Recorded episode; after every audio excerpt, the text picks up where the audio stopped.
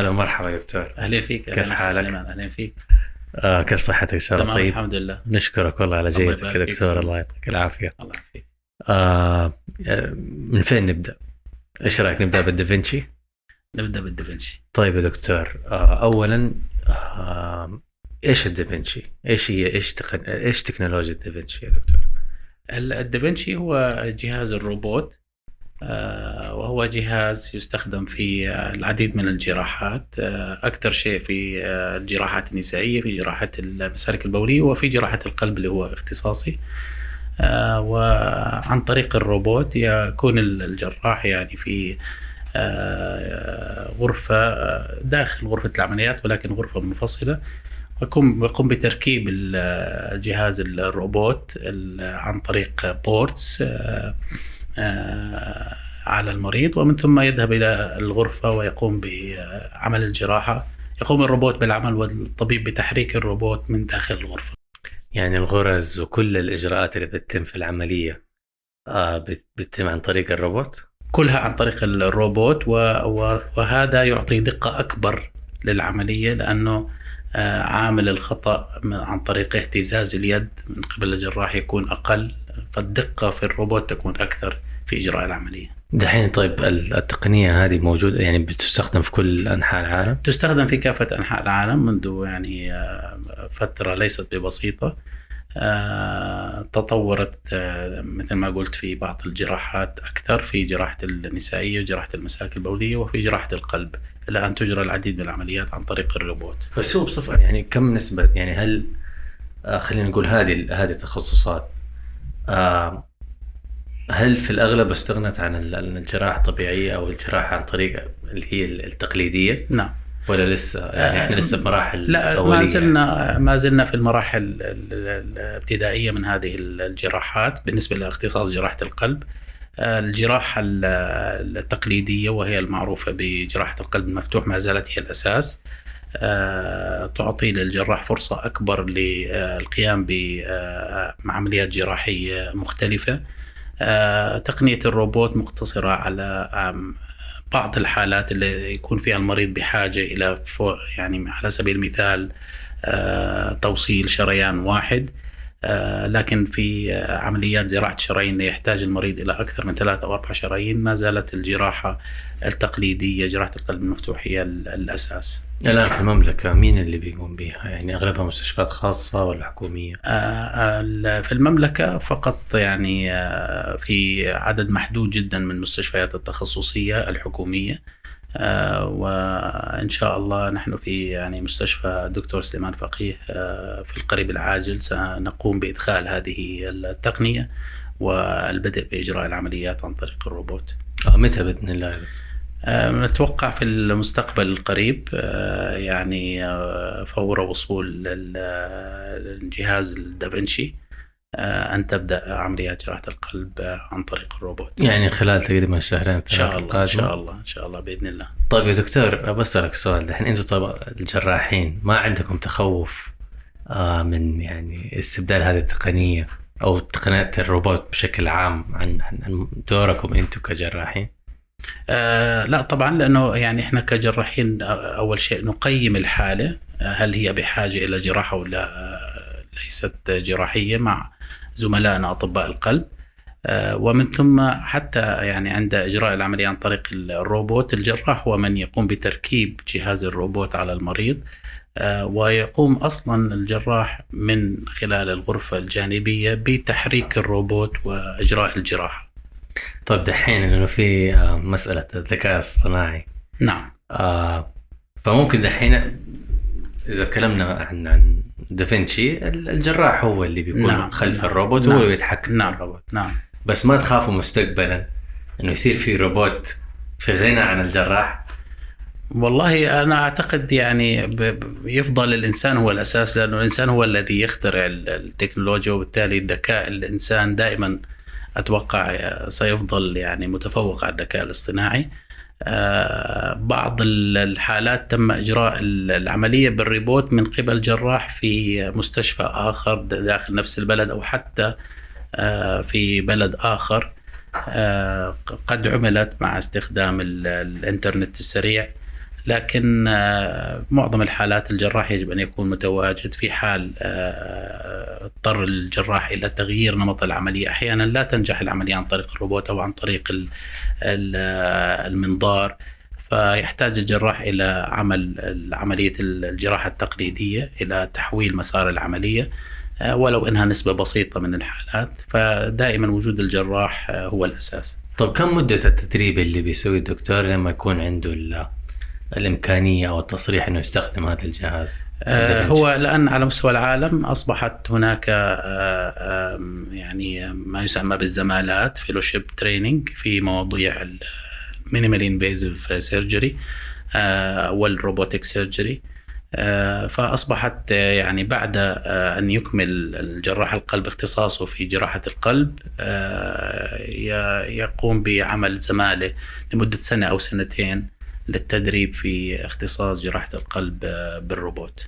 أوه يعني أنت لازم تكون متدرب نعم يعني ما هي مسألة شهور إنك تتدرب على دافنشي يعني يعني معظم يعني من يقومون بإجراء هذه العمليات يحتاجون إلى تدريب آه، لأنه آه، يعني إلى فترة أو ممارسة لفترة يعني آه، قبل البدء في إجراء هذه العمليات.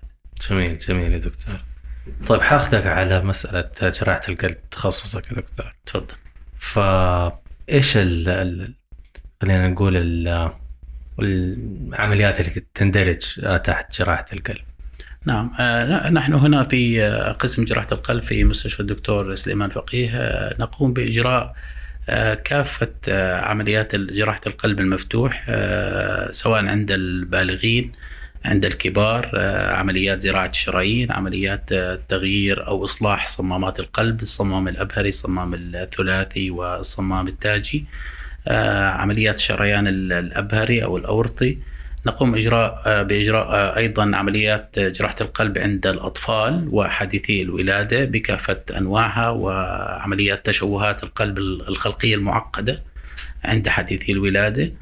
آه، أيضا طب دكتور أخذك على تفضل. مسألة جراحة القلب عند حديثي الولادة نعم إيش أسباب خلينا نقول العيوب الخلقية اللي بتكون عند عند الأطفال يعني أسباب وراثية بحتة إيش الأسباب؟ نعم هي في الغالب آه، آه، وقد تكون هذه التشوهات تشوهات بسيطة مثل وجود ثقب أو فتحة بين الأذينين أو بين البطينين آه، وعملياتها تجرى سواء في حديث الولادة أو بعد فترة إذا لم تقفل بشكل تلقائي. واحيانا يكون هناك تشوهات خلقية معقدة تحتاج إلى عملية أو أكثر على مراحل. والحمد لله يعني في مستشفى الدكتور سليمان فقيه آه، آه، آه، نقوم بإجراء كافة هذه العمليات. طب جراحة القلب عند الأطفال هذه نعم. يكون لها دكتور متخصص فيها نعم. ولا جراح نعم. القلب عموما يقدر؟ نعم هي هي في في مثل جراحة القلب بالروبوت أو بالمنظار تحتاج إلى اختصاص فرعي بعد إنهاء الجراح آه، اختصاصه في جراحة القلب يحتاج إلى عمل آه، يعني أقل شيء سنة من الزمالة في جراحة القلب عند الأطفال. ممتاز. طيب بالنسبة ل مجالات جراحة القلب في مستشفى دكتور سلمان فقيه إيش نعم. إيش إيش الخدمات اللي إحنا بنقوم فيها هنا؟ آه مثل ما قلت آه نعمل كافة أنواع عمليات جراحة القلب عند الكبار ومن من شرايين وصمامات وشريان أبهري أو أورطي آه عمليات جراحة القلب عند الأطفال بكافة أنواعها. تحدثنا عن الدافنشي والجراحة القلب بالروبوت والتي في القريب العاجل إن شاء الله يعني ستكون متوفرة.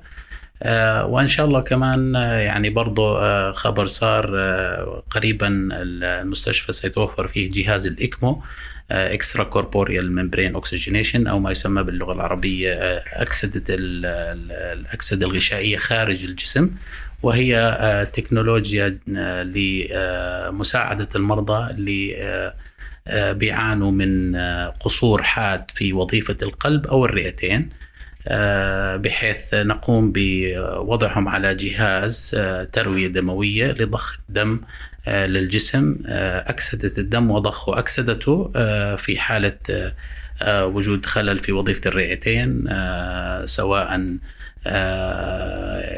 يعني ناتج عن التهاب أو بعض الحالات الناتجة من من الكوفيد 19 أي مريض يصاب بالتهاب بالرئتين ويعني يؤدي إلى فشل في وظائف الرئتين وعدم القدرة على أكسدة الدم وتبادل الغازات عن طريق جهاز التنفس الاصطناعي.